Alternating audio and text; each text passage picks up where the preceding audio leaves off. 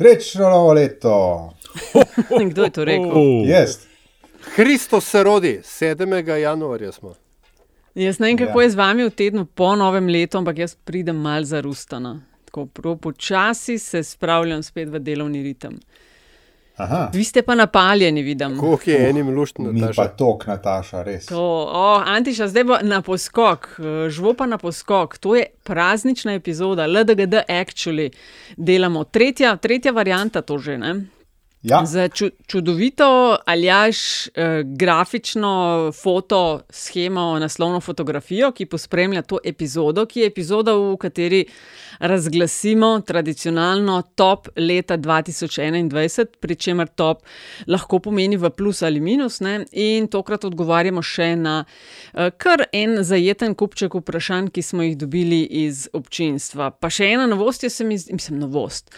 Aljaš, eh, špica je majčken še, kako se temu reče, na fine-tunana. aktualizirana. Cel kup daril smo pripravili, Jaz- to so Božiček, dedek Mrz, pa Miklaš, pa še enkrat Božiček pol prenesel zdaj v tej epizodi. Ne? Imamo, kot se je rekla, odgovor na vprašanja, pa Best of, Worst of 2021 in pa seveda Ed Solata, Klemen Kotar, najlepša hvala za vso pomoč pri uh, updatanju špice, ki ima pa zdaj res um, en tak seksi feeling. Funky, funky. Ja, ker vem, da imate to radi, še posebej Antiša, veš, nekako se da, dosti danes oglašaš, tako zelo si, si jemliš ima zdaj besede. slabo vest. Uh, Ne- Ja, malo se ti nazaj držiš, ker ti si pač kozorogec, tako kot jaz, in počasi štartaš v leto. Um, obveze, ne obveze, za obljube, Antiša, 230 ali nekaj tašnega tisoč kilometrov Jo, si lani preplaval. nehati, Pa dajte nekati, no, s tem. Petkrat okrog 210 sveta. kilo- 200, de- okay. Uh, za zapisnik 210 km. Več si meni poslal. Ne, plan je bil 215, ampak je konec decembra storil svoje in je končalo videli, na, ja. okroglih, na okroglih 210. Hvala, ja. Tudi tudi tebi. slišali, Ne. Um, ne, no, zdaj pa dajmo počasi nehati s tem plavanjem, če se da. Se lahko nehamo s plavanjem, pa pridemo na razloge, zakaj nismo snimali prejšnji teden. No, da to boš pa ti najlepše razložil. Nataša, Vidva sta povedala. prijatelja. teta iz ozadja. Jaz sem več rekel, jaz sem rekel samo to, da, da sem zaznal, da je Antiša v resni zagati, sodeč po fotografijah, ki nam jih je pošiljal popovdne na dan snemanja in sem kot njegov dolgoletni prijatelj absolutno stopil na njegovo stran, ker ga lahko sam razumem. V takih situacijah Ja, bi jaz naredil isto kot on. Ja. Ampak malce si se zlagal zdaj. Moj spomin, ali jaš, tisti dnevi so bili mogoče majčken zahtevni, ampak po mojem spominu nisi čist takoj podprl. Tudi pol na koncu ne. Ne, ne, Andraš je tako mal piflarsko ravnal, ne, dajmo, dajmo, dajmo. Ampak pač, Andraš je mal po vetrčku bil, pa dajmo poslušalci. Ne? višja sila je storila svoje. Jaz, jaz bom tako rekel, jaz sem tudi videl te, te fotografske dokaze in je treba priznati, ne glede na to, kaj se kdo o tem misli, da je. Da ima Andraš prav, da je bil Anteša v resni zagati in da je bil dan poln izzivov, ki mislim, da jih je Anteša potem uspešno uh, razrešil. Več kot, več kot uspešno, in uh, če se kdo med vami ali morda med poslušalcem sprašuje, kakšen maček je bil zjutraj, mačka ni bilo. Nobenega. Ne, Vse sej, si Bil izdal. pa, je, bil pa je prijeten večer, to pa je res. Ampak pa ne, lahko gremo od plavanja in pre, eh, lahko gremo Ne- eh, ne mi, more, eh, ne če, more, mimo mojega plavanja in mimo mojega druženja, eh, gremo lahko na. mimo, ne. mimo tvojih plavanj vseh vrst, Razen če, je to mogoče, razen če je to mogoče Ronaldo 2.0. to se nam nikoli ne ve. ne. To se nikoli ne ve. Jaz moram sam poslušalcem povedati, da sem tole moja družba še v petek zjutraj nagovarjal. In če smo pa vsi na liniji, pa še mačka ni, pa pa dajmo zdaj le posnetne. Ja, To je pa res. Ampak glede na tvojo siceršnjo pripravljenost ob zgodnejših urah, smo bili vsi v šoku in se nismo Se niste pobrali. do pobrali, do opoldneva sploh niste odgovorili na mojo provokacijo, vem ja. Dej Ja, špico. zdaj špico, ne, zdaj ali kaj. Pred nami je častna naloga. Lepo pozdravljeni vsi skupaj, po dolgem času se znova vidimo. Boljše puška v koruzi kot top v množici. Več afer, kot bodo sproducirali, bolj bom grizla in sekala lov. Vlada nima načrta za zapiranje. Kakršno koli sodelovanje s strankami, ki danes podpirajo škodljiva ravnanja te vlade, Si zavračam. vi sploh želite čim prejšnjega konca te epidemije? Te razprave ne bom nadaljeval, pa ne zato, ker ne bi bil poguben, ampak zato, ker uh, nisem neumen. To je LDGD, podcast, ki nikogar ne podcenjuje in ničesar ne jemlje preveč resno. V imenu svojih najbližjih in v božjem imenu vas pozivam na lov. Danes zapravljate dragocen čas tukaj. Za tiste, ki ste mogoče z nami prvič, LDGD je podcast, ki nikogar ne podcenjuje in res ničesar ne jemlje preveč resno, in še posebej ne politike. Z vami pa smo Antiša Korljan, Primorske novice. In Studio City. Andraž Zorko, Valikon, uh, Aljaš Pengovitence, Radio Chaos in Nataša Briški Metina Lista. In Studio City. To bo zdaj ta božično-novoletna, silvestrska, z enim tednom kasneje uh, epizoda. Top leta 2021, v dveh letih smo, spoštovani, sestavili tako enih osem kriterijev, mislim, kriterijev, osem enot, od politične stranke leta do politika oziroma političarke leta, pa razočaranja leta, drugi dogodek leta, podvala leta. Komu se imamo zahvaliti za podvalo? Men. Ali jažu. Te, ti si. Ja. A, nebuloza leta, pa drama kvin leta in nada leta. Nada je pa to, pa vem, od Andraža. Ne? Ja. No, pa pojmo lepo po vrsti, koga smo izbrali za politično stranko leta, recimo Andraž, se imamo napisan, pa da ne bomo tako čist na predolgo, ker smo dost relativno no, enotni. Ti si izbral SDS, zakaj? Mislim, ne vem, če je res potrebna kakšna dodatna razlaga. To je pač stranka, ki je v lanskem letu dokončno prevzela vajeti v svoje roke in če smo jo že leto poprej razglasili za stranko leta, bi bilo nenavadno, če letos ne bi, oziroma 2022. Ah, 2021. Mm, Antiša, ti si enak, mislim, en, enak ja, je tvoj izbor. Ja, ja jaz um, podobno oziroma identično kot uh, Andraš. Namreč ta stranka je, um, je držala ritem, kot se reče v športnem žargonu, uh, v političnem prostoru čist celo leto. Nekaj časa, mislim, oziroma nekaj časa, večkrat je to poskušala opozicija, ampak ji ni uspelo in uh, SDS je trdno imela, tako kot prve slanje, veste, v kladu, s katerim točejo po Bobnu, je imela ta kladu trdno v rokah. Zato tudi mm. z moje strani SDS. Ali jaš tvoj izbor je pa SAP? Ja, no, um, veš, če bi imeli kategorijo uh, gazele leta ali kaj, kaj podobno uh, ekonomističnega, bi bilo to verjetno SAP. Uh, predvsem zaradi sovražnega prevzema polovice desosa in uh, tega zero fucks given pristopa k ne, pač rasti. In se mi tako, se strinjam z vsem tem, kar sta Antiša in Andraš rekla, ampak um, se, se mi zdi, da je največja rast bila pa tukaj, ne, pri sabu. Uh, bodi si v smislu dejanskih odstotkov, bodi si v smislu samozavesti. Mm, um, jaz sem lepo poslušala Andraš in Antiša vajni razlagi. Ja, absolutno na prvo žogo sem tudi jaz želela tako reči SDS, uh, ampak pol sem pa razmišljala, da tega, da SDS-a ne bi bilo, oziroma te vlade ne bi bilo, če ne bi uh, zelo kvalitetna asistence bilo v SMC-ju in DESUS-u. NSI jemljem pač že kot del te koalicije, ampak če ne bi SMC in Desus, ki nista v to vlado vstopila z enakimi, recimo, da ideološkimi predispozicijami kot vlado, v kateri sta bila prej, če ne bi sodelovali, tega, tega ne bi bilo. Tako da jaz pa moj izbor sta pa SMC in Desus. Zdaj smo pa že pri naslednji kategoriji, politiku oziroma političarki leta 2021 človek ali človekinja, ki sta najbolj zaznamovala uh, minulo leto. In uh, Nataša, ti si izbrala uh, vsevišnjega, uh, ljubljenega vodjo uh, in uh, dosmrtnega predsednika SDS, Jana Zajanša. Mm, ja, moja političarka leta je Janes Janša. Eh, raven iz naslova, ker je uspel držati uh, vse vajeti v svojih rokah in usmerjati vse, če tudi se je na momente zdelo, da bo kakšen kon ali pa kobila v svojo smer šla, no, zato, zato. Ni pa to. Um, Top leta v pozitivnem smislu. Antiša je spet obsojen na strinjanje. Ne? Ja, no, oziroma Nataša bi bila, ne, bi se strinjala z mano, tako se bom pa jaz z njo. Se strinjam, ne, Janes Janša, ki pač prvo ime, prvo ime lastne partije, je, on je bil pa tista roka, ki je držala kladu v rokah, da je držala tempo celemu političnemu prostoru. Vedeti namreč moramo, da v veliki meri uh, SDS-a brez Janeza Janša skoraj da ni. Uh, oziroma, je bistveno bolj brezkrven, se mi zdi, in vse, kar se v SDS-u dogaja, se dogaja um, pač po njegovi volji. No, tako bom rekel. Tako da um, Janez Janša, politik, političarka leta 2021.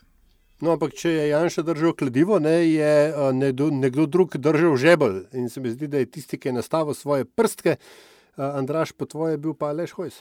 Ja, jaz sem pa naredil en tak eksperiment, ko sem gledal tole tabelo, še čist prazno, ker sem seveda prvi izpolnil, kot vedno. Sem zamižal, sem zamižal in sem tako si rekel to vprašanje, sem si ponovil in si rekel, kdo je ta, ki sem bil prvi prikazal, ta je zmagovalec. In glede ga no, se mi je prikazal ta nežni obrazek Aleša Hojca iz enega javljanja, kako spet neki tako zelo suvereno razlaga. In pa sem se spomnil teh momentov, od protestov, od unga sprehoda med protesti, od tega, kje vse se on oglaša, o čem se on govori, od epidemije do policije, do politike, do vsega, da je vse stan, ko ga Janez Janša rabi in da Janez Janša brez njega v resnici ni.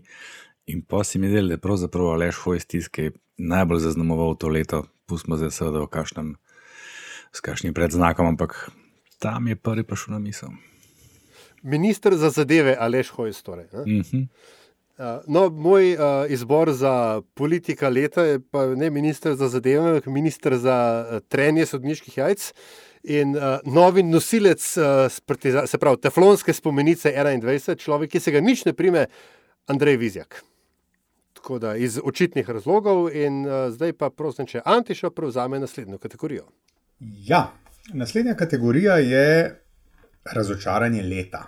Ne? Se pravi, vprašanje je, katera oseba, slash stranka, slash dogodek ali dejanje je, je tisto, ki je najbolj razočaralo v političnem prostoru. In uh, Nataša, tvoja izbira je. Ja, moja je strmoglavljanje politične kulture. Veliko stvari me je razočaralo, kot nekdo, ki je še kako pozoren na komuniciranje tudi in obnašanje, pa je to nekaj, kar se mi zdi, da je doseglo novo dno, da vsakeč znova ugotavljamo, da pa mogoče pa smo na dnu, se izkaže, da se da še globjati od komuniciranja, vrhovnih e, na Twitterju in sicer do neprevzemanja odgovornosti, vrste e, podajam odstop, ki pa niso dobile zares nobenega epiloga, razen tega, da smo rekli, ok, what the fuck, gremo dalje. Ne? In to se meni zdi kar zaskrbljujoče, kam je šlo, ker postalo vse ostalo na, na nižjo raven. Skratka, politika, obnašajte se lepše. Uh, Aljaš? Ja. Izvolim. Moje razočaranje leta je Igor Zorčič. Uh, niti ne mogoče zaradi tistega, kar je naredil, ne? Ampak uh, zaradi tistega, česar ni naredil, imel je svoje svetle trenutke, ampak glede na to, da je bil tako veliko krat jeziček na tehtnici, tudi pri čistem moralnih vprašanjih politične morale, če hočeš, ne nujno tistega, kar je legalno ali pa legitimno, se mi zdi, da ni, bil, da, da ni dorasel funkciji, ki jo ta hip zaseda. In z tega vidika se mi zdi kar razočaranje leta. Andraš. Ja, Antiša, ali pa če bomo kar skupaj, kot vidim v tabeli. Deva, no, se ima isto, ne? se ima tako rekoč se isto. Bo dopo, se bo dopolnjevala. No. Tri, štiri, zdaj. Cool. Kako se je lotil oblasti, prevzemanja oblasti? Kako se ni lotil prevzemanja ja. oblasti? Mogoče to. Ja, ja imamo tle opozicija, oziroma slash cool. Ne, lahko ti kaj več poveš. Ne, ti, no. Jaz bi sam en, en vrhunc tega povedal. Jaz ne bom pozabil tistega tedna po referendumu. Referendum lanski je bil trenutek, ko je bila ta oblast, uh, en redkih trenutkov, ko je bila ta oblast na kolenih. To se je videlo tudi potem, če se spomnite, kako so se kar mal skrili, malo en grmove so se skrili, umaknili in upali, da čim prej mine. In ta opozicija, namesto da bi zajahala to na polno, jim je to, to umikanje grmove dobesedno omogočila, ker so tudi sami, kot vsi ostali, en teden zatem lepo odšli na počitnice in nikome ništa za mesec pa pol. Skratka, trenutek, ki bi ga res mogli zajahati, takrat se mi je zdelo, da je nekaj ni v redu, potem pa še druga stvar enkrat proti koncu leta, oziroma druge polovice leta, do zgodaj jeseni, ko se je izkazalo, da res ne nameravajo več niti poskušati, in da so se sprijaznili s tem, da pač predčasnih volitev ne bo. In so se začeli obnašati kot bodoča zmagovalna opozicija oziroma koalicija, uh, kar pa zdaj iz dneva v dan vedno slabše kaže. Ja, še nekaj je. Ne? Mislim, um, až, ko človek na kupu gleda dva bivša predsednika vlade, predsednico ene stranke, ki je odnegdaj v tem slo, uh, slovenskem političnem prostoru in še pač eno uh, dost um, propulzivno, uh, relativno novo in mlado stranko, bolj si rečeš tako čez vidika političnega marketinga. Zihar je tole šalabajzerstvo oziroma pač ta neka indolenca oziroma tako. Neka nepovezano delovanje, in tako naprej, v funkciji nečesa, kar še pride, Ne? Skratka, z nečim nas bojo iz zasede presenetili in bo Big Bang, ne? veliki pok.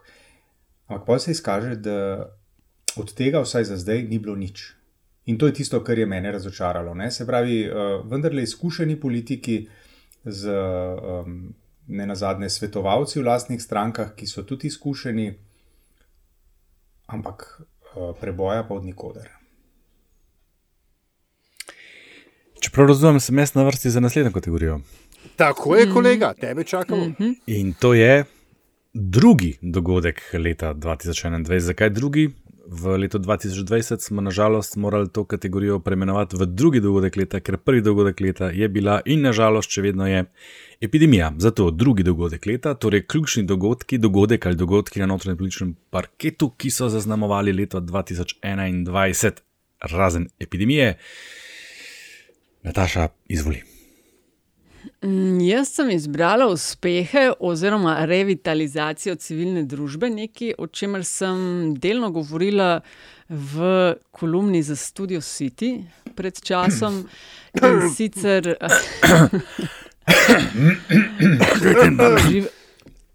Uživajmo, dokler lahko. Uh, skratka, zdi se mi, uh, da je bilo, bilo zelo opazno in uspeh, predvsem no, tudi na referendumu o vodi, ki je tudi izbor še dveh vas. Pa tudi tisti projekt Anhovo, pa protesti med drugim, ki so bili um, nenasilni, uh, ta glas skupščine, konc koncev, z tribunami, kako in kakšno državo si želimo. Skratka, to se mi zdi, da po dolgih, dolgih letih gledamo uh, spet neko novo energijo na sceni, na uh, organizacijah, ki se stavljajo in predstavljajo civilno družbo. Tako da meni se to zdi uh, zelo pomembno, ker del ene zdrave demokracije je tudi uh, aktivno državljanstvo, aktivna civilna družba. Da sem na vrsti jaz, um, najbrž. Uh, MC, se strinjamo? Uh, ne, v bistvu sem največ paril za na koncu, Antiša, prosim. Ja, hvala, hvala. Jaz bi bil konsistenten s svojim prvim in drugim uh, odgovorom. Uh, ki sta imela v svojem središču SDS oziroma Jane za Janšo in bi za drugi dogodek leta pravzaprav razglasil en proces. Ne. In to je eh, vladno oziroma SDS-ovsko prevzemanje ključnih vzvodov in podsistemov v družbi. Ne. Tukaj je, tukaj je na delu uh, politika, pa pravzaprav niti ne tako zelo mehkih korakov. Ne. Prej so to kar veliki in tudi brezsramni koraki, s katerimi si preprosto stranka podreja tisto, tisto, kar eh, identificira eh, v lastnem nekem interesnem polju kot ključne točke in jih preureja, preureja po svoji podobi. Se pravi, govorimo o nadzornih inštitucij, organov pregona in tako naprej. In, tako naprej. in um, to je stvar, ki se nam, se bojim, še uh, zna otepati v prihodnje. In se na vrsti mi dvaljaš. Otepati, ja. Ki ima uh mhm. -huh. tako rekoč isti predlog z eno malo razliko. Pri tebi piše referendum o vodi, premen pa referendum o vodah. Kaj je bilo torej res? Verjetno je tvoj bolj pravilen, ker a, moj je bil napisan v a, žaru pakiranja, upita na otroke in a, gledanja, kakšno je vreme, vreme in promet pri Salzburgu, tako da je referendum o vodah. Si bil z grlom globoko v vodi. razumem, razumem. Ja, jaz mislim, jaz mislim da tle izvoljaš, uh, kratka razlika. Ja, no, skratka, gre seveda za julijski referendum, ki je bil uh, že prej večkrat omenjen in je šlo za uh, plebiscitarno zaušnico in šamar vladi, ne? tudi iz vrst uh, njihovih siceršnjih podpornikov. ki je deloma že to, kar je Nataša povedala, pokazal na revitalizacijo civilne družbe, na, dej, na dejstvo, da obstajajo vprašanja, ki presegajo politične delitve in da obstaja tudi energija in predvsem znanje, kako to energijo usmeriti v neko izražanje aktivnega državljanstva in, in zelo visoke volilne deležbe. Pač za oblast je šlo na tem referendumu na robe vse, kar je lahko šlo. No. Okay, podvala leta je pa kategorija, kjer je nekaj, kar se je zgodilo skoraj da mimo naše pozornosti, pa ima potencial, da dolgoročno vpliva na razvoj dogodkov ali družbeno klimo. Ne. Skratka, podvala leta. Uh, Aljaš, oziroma da ima Antiša. Antiša, kaj si ti? Ja. Ja, um, delno se navezujem na, eh, na, svoj prej, na svojo prejšnjo nominacijo. Namreč eh, jaz bi za podvalo ne, uh, razglasil to, rekel, zelo pogovorno, no, spuščanje represivnega aparata, predvsem policije, sketne. Ne. V Sloveniji imamo neko zgodovino, se mi zdi, prizadevanja, da se policija prikaže kot pač moderna, kako bi rekel, ja, moderna institucija, ne, ki ima tudi močno civilno noto. Ne. Ne na zadnje, ne, eh, policijski oziroma notranji ministri doslej so bili intelektualci, celo kulturniki, recimo Boruč Oklek, ki je prišel iz teh nekih kulturnih voda, ne, mm, ali pa intelektualci tipa Peter Jambrek, ne, ne pozemimo, on je bil tudi notranji minister. Ne. Zdaj pa se mi zdi, ne, da je uh, predvsem policija pod Hojsom in Olajem spuščena popolnoma sketne ne, in uh, zelo brez zadržkov lomasti tja, kamor doslej policija ni hodila. Ne? In um, se mi zdi to, kar tako za, ne, ker to so vendarle veliki sistemi. Uh, se mi zdi za stanje duha v instituciji sami, pa tudi v družbi, se mi zdi še kar nevarno. In naravno pride zraven k temu, kar si ti povedal, prav ta aljažov izbor. Ja, se... Od represije do do razredov. Se pravi, dva ključna aparata ne, sta v vsaki državi. Eno je represivni aparat države, drugo pa ideološki aparat države. To je politologija 101. Um, in uh, če so represivni aparat države si v tem letu in pol, kar imamo to oblast, si ga je popol, skoraj popolnoma podredila, smo, in to je pač moja podvala, izbor za podvalo leta. V iztekajočih se tednih ne, in uh, lanskega leta videli tudi uh, spremembo sestave svetov vrtcev in šol, kjer je zdaj nima več stroka večine, nima niti starši večine, ampak ima večino vsakokratna politika na vseh teh nivojih oblasti, od lokalne do državne. In, in to je seveda v bistvu za moje pojme dolgoročno izjemno škodljivo, ker to lahko, ne nujno, da bo, ampak so ustvarjeni pogoji, da lahko za sabo potegne vse od spremembe kurikuluma do um, učenja revizionistične zgodovine, paralelnih uh, teorij razvoja in tako dalje. No, to, to se mi zdi zelo, zelo, zelo problematično. Andraš, ti imaš pa si se zataknil ta nov obraz, nekaj, kar predvidevam, da bomo v redni, redni epizodi uh, poskušali še malo bolj uh, natančno secirati, ampak ti imaš poskus podvale novega, novega obraza v tej kategoriji. Po receptu iz leta 2011 in nikome ništa sem še dopisal. Ja, to se je zgodilo konec lanskega leta, ampak se mi zdi zelo pomemben poskus podvale. Namreč uh, po znanem receptu iz 2011, kot da ni to bilo samo deset let nazaj, se je po tisti novinarski konferenci kar naenkrat v medijih začelo govoriti o tem, ali bo šel golob v politiko, v točno določenih medijih, seveda. Potem se pojavi nek članek, pa nek, neka naslovnica v neki točno določeni reviji, in potem čez dva, tri tedne dajo tega novega človeka, novega nov obraz, ta nov obraz, ki niti še stranke nima, niti še sam ni najavil, da bi karkoli rad počel, v anketo točno določene agencije za raziskovanje javnega mnenja med prijatelji. In kaj se zgodi, dobi 15 odstotkov in kar naenkrat ljudje začnejo verjeti, da je to novi obraz in se začnejo odločati za njega, in kar naenkrat bo ta obraz zmagal, le ga zlomka, kar naenkrat, odkje že, kako že, kdaj že. Zakaj to podvala leta? Zato, ker me skrbi, eh, da Mislim, zakaj je podvala? Zato, ker se je to zgodilo tako, da, da ni res nič tazga to, da se tako izmislimo kandidata in ga dobesedno ustvarimo. In druga stvar, uh, na ta način uspe dejansko zmagati, uh, kar pomeni, da bi utegnili dobiti predsednika vlade, ki ima za svetovalca in tesnega sodelavca brigadirja Tonata Krkoviča, se pravi nekdanjega tesnega sodelavca Jana Zajanše. Uh, v skladu s tradicijo, da smo imeli že pred časom tudi predsednika vlade, ki je takoj po nastopu uh, predsedovanja vzel za svojega svetovalca tudi nekdanjega tesnega svetovalca Jana Zajanša. Skratka, če se bo ta scenarij odvijal še tako naprej, kot se bo, pomeni, da se bo tudi vse ostalo in tudi posledice bodo take odvilo, kot je bilo leta 2012, pa smo v bistvu na pragu novega zgubljenega desetletja, zato je to podvala. Mm. Jaz sem pa zbrala to, vse se mi zdi ja, zelo podvalno, kar ste našteli, pa hkrati tudi prerasporejanje družbenega premoženja. To je moj izbor. Mogoče lahko nadaljujem, Anti, še tam, kjer si ti v kategoriji prej pod drugi dogodek dal vladno prevzemanje ključnih vzvodov, predvsem SDS, imaš in podsistemov v družbi.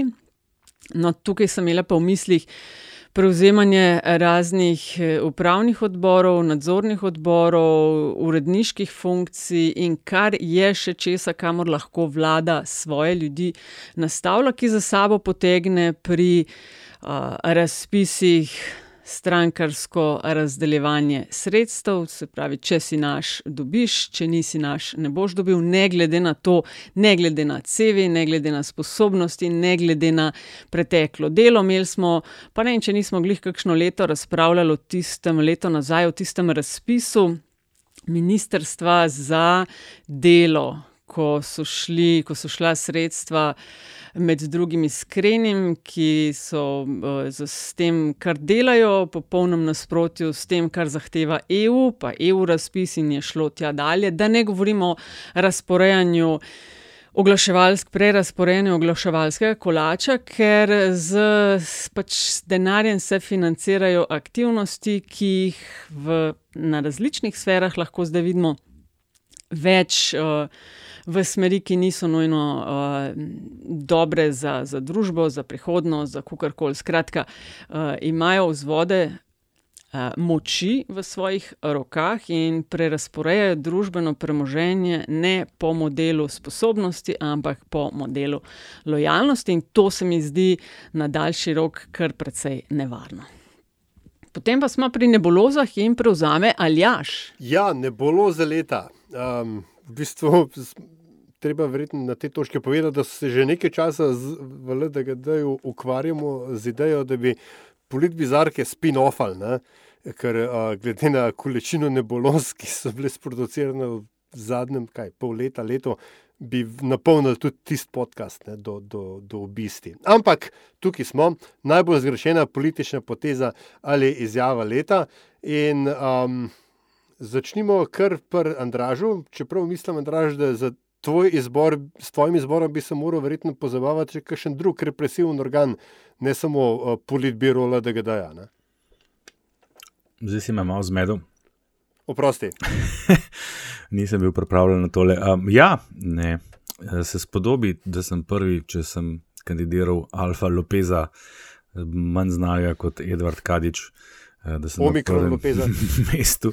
Ne, to je namreč imenovanje njega za vodje promocijo, vodjo promocijo cepljenja, se mi je zdela največja nebuloza tega leta. Eh, vemo, da je bil človek v preteklih letih tudi javno izpričan anticepilec, eh, strašnih referenc na področju komuniciranja nima, sicer tega ne ve, pa tudi ne bo nikoli priznal. No, v glavnem, kakršen kandidat oziroma kakršen mm, vodja cepljenja, takšen rezultat. In zato je to, po mojem, ne bilo za leta.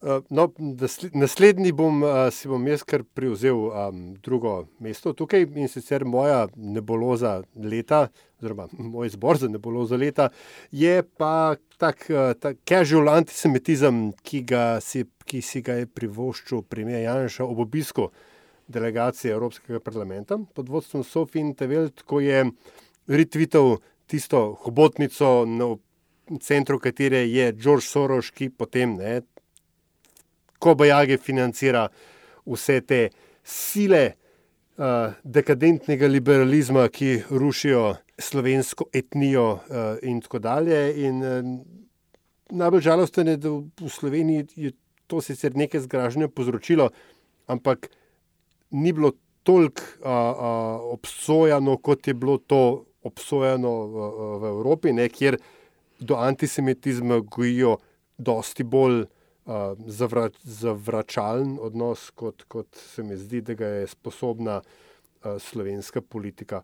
vopče. No. Tam je pa to bilo kar grozno, kar se meni tiče. Zdaj pa imamo spet uh, dvojni izbor.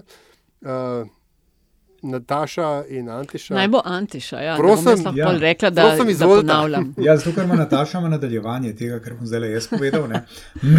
Namreč, meni se tako kot precejšna nebuloza, ki je v osnovi skregana z osnovnim poznavanjem računstva, ne, zdi konkretna napoved zdravka počivalška, da nas bo v kolkem času, v parih letih, 3 milijone. Desetih. V desetih letih 3 milijone. Ne.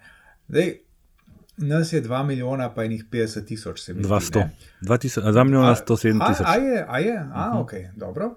In uh, zdaj, um, da, bi priš, da bi prišli na 3 milijone v desetih letih, mislim, da bi morali uh, zelo velik delati, no, tako bom rekel. Ne. Tako da uh, uh, ti, lahko bi. Ti temu doma rečeš delo. Obstajajo, obstajajo, ljudje, obstajajo ljudje, ki se s tem profesionalno ukvarjajo, reče se jim demografi, obstajajo statistiki, obstajajo napovedovalci demografskih trendov. Ne? Verjeten, kdo dela tudi v kakšni penzijski uh, blagajni, recimo pokojninski blagajni, kdo od njih in tako naprej. In bi mogoče gospodarski minister, preden je to neumnost izrekel, lahko tudi koga vprašal za mnenje. Ne? To se ni zgodilo, zato imamo uh, nominacijo za nebulozo leta, zdravko počivalšek, demograf Slovenije. -hmm, ja, meni je počevalško razplot tudi se zdela kar precej orang eh, močna izjava. Je imel pa ne, če ste ga brali, Erwin Hladnik Milharčič, eh, je zadnja sobotna priloga, skratka v dnevniku, dnevnikovem objektivu, no, je, je pisal o tej zadevi. Mislim, da je prvič po 2019 ali nekaj takšnega, da je več moških v Sloveniji.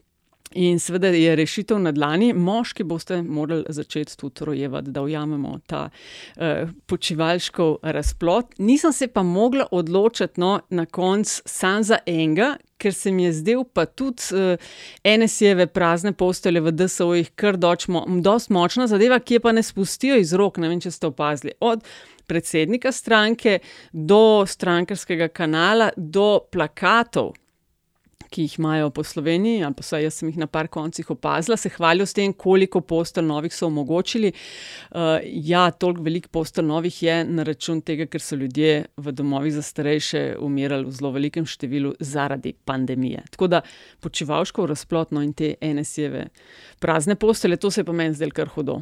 Drama Queen leta, oziroma kdo je resnična snežinka, ki pada. In me spominja na te. Prvo besedo bomo dali lepo, kar aljažu. Ja, to, so, to si rekel zdaj samo zato, ker. Ker bom imel zadnjo besedo jaz. Aha, v redu. No. No, potem, Čeprav imate isto. Potem ja, bom pa jaz samo povedal, koga, koga sem videl nominirala, ti boš pa povedal, zakaj. Skratka, najna, najna nominacija je uh, človek, ki se je kot šef policije pustil um, slikati v temnem plašču, s temnim klobukom in stolčnimi špegli. Uh, Anton Olaj. Zdaj pa naprej. Razglasitev po, uh, po naslednjih dveh sogovornikih. Najprej Nataša izvoli. Ja, jaz sem zbrala pa kar paket koalicija.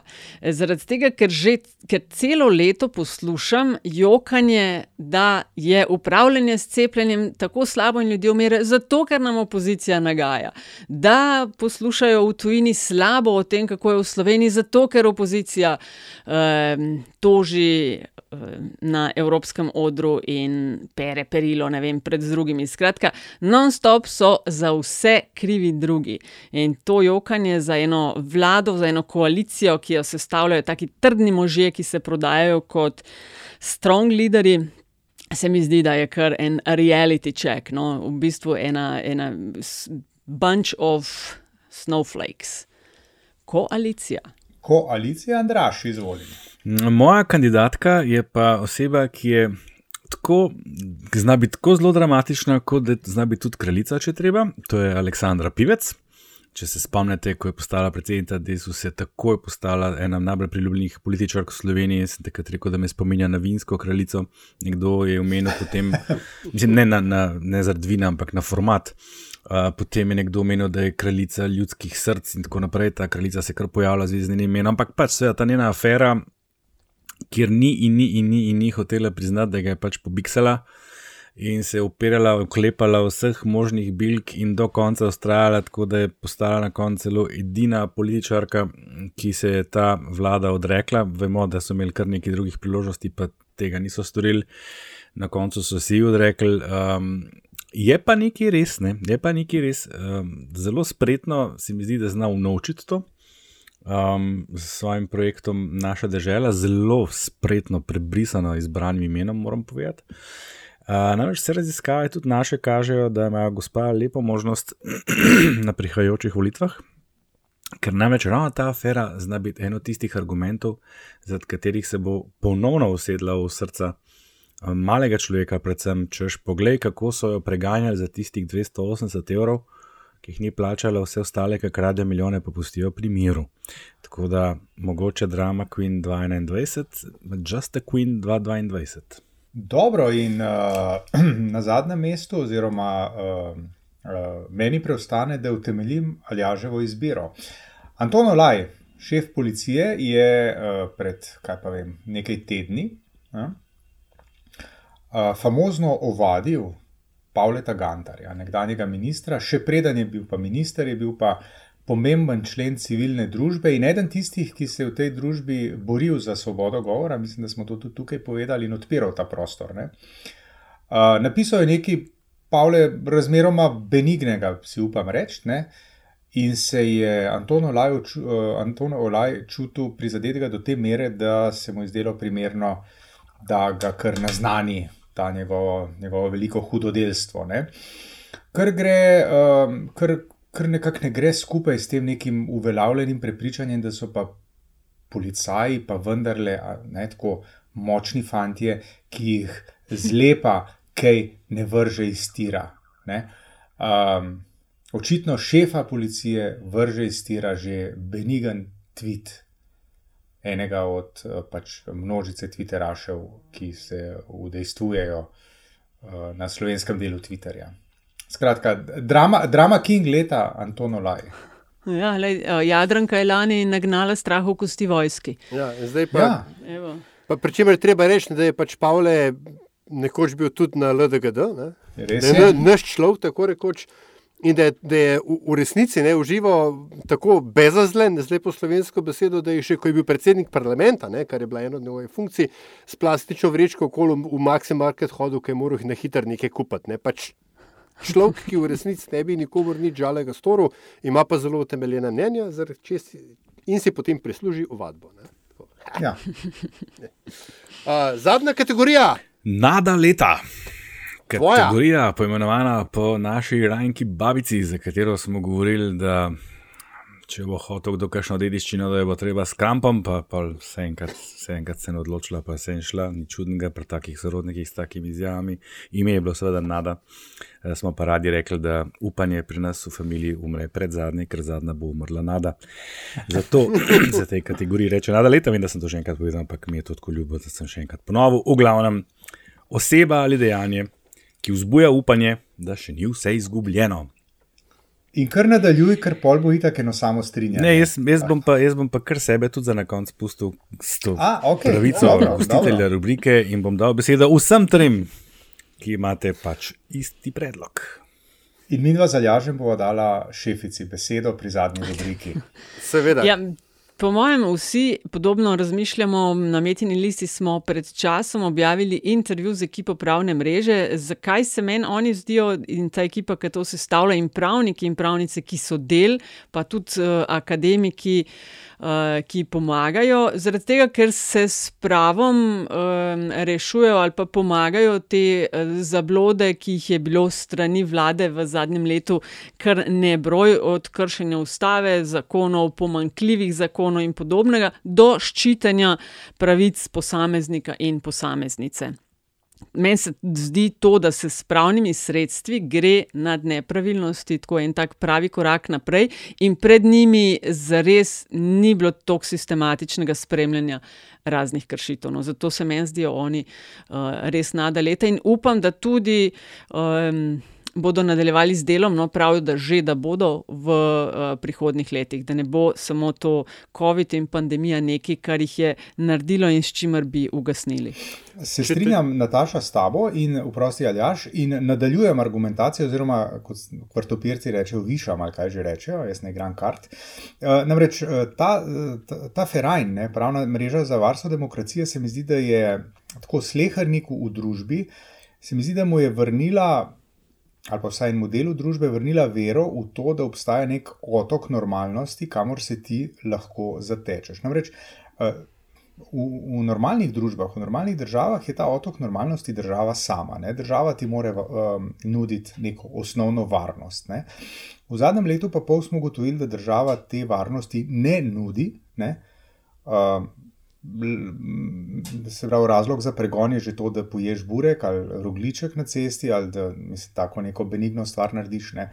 No, oni so nam vrnili vero v to, da je nekdo, ki pač lahko poskrbi uh, za to, da se bo državljan, uh, ki je načeloma nedolžen in uh, davke pla plačujoči državljan, ne, uh, počutil mečem bolj varnega.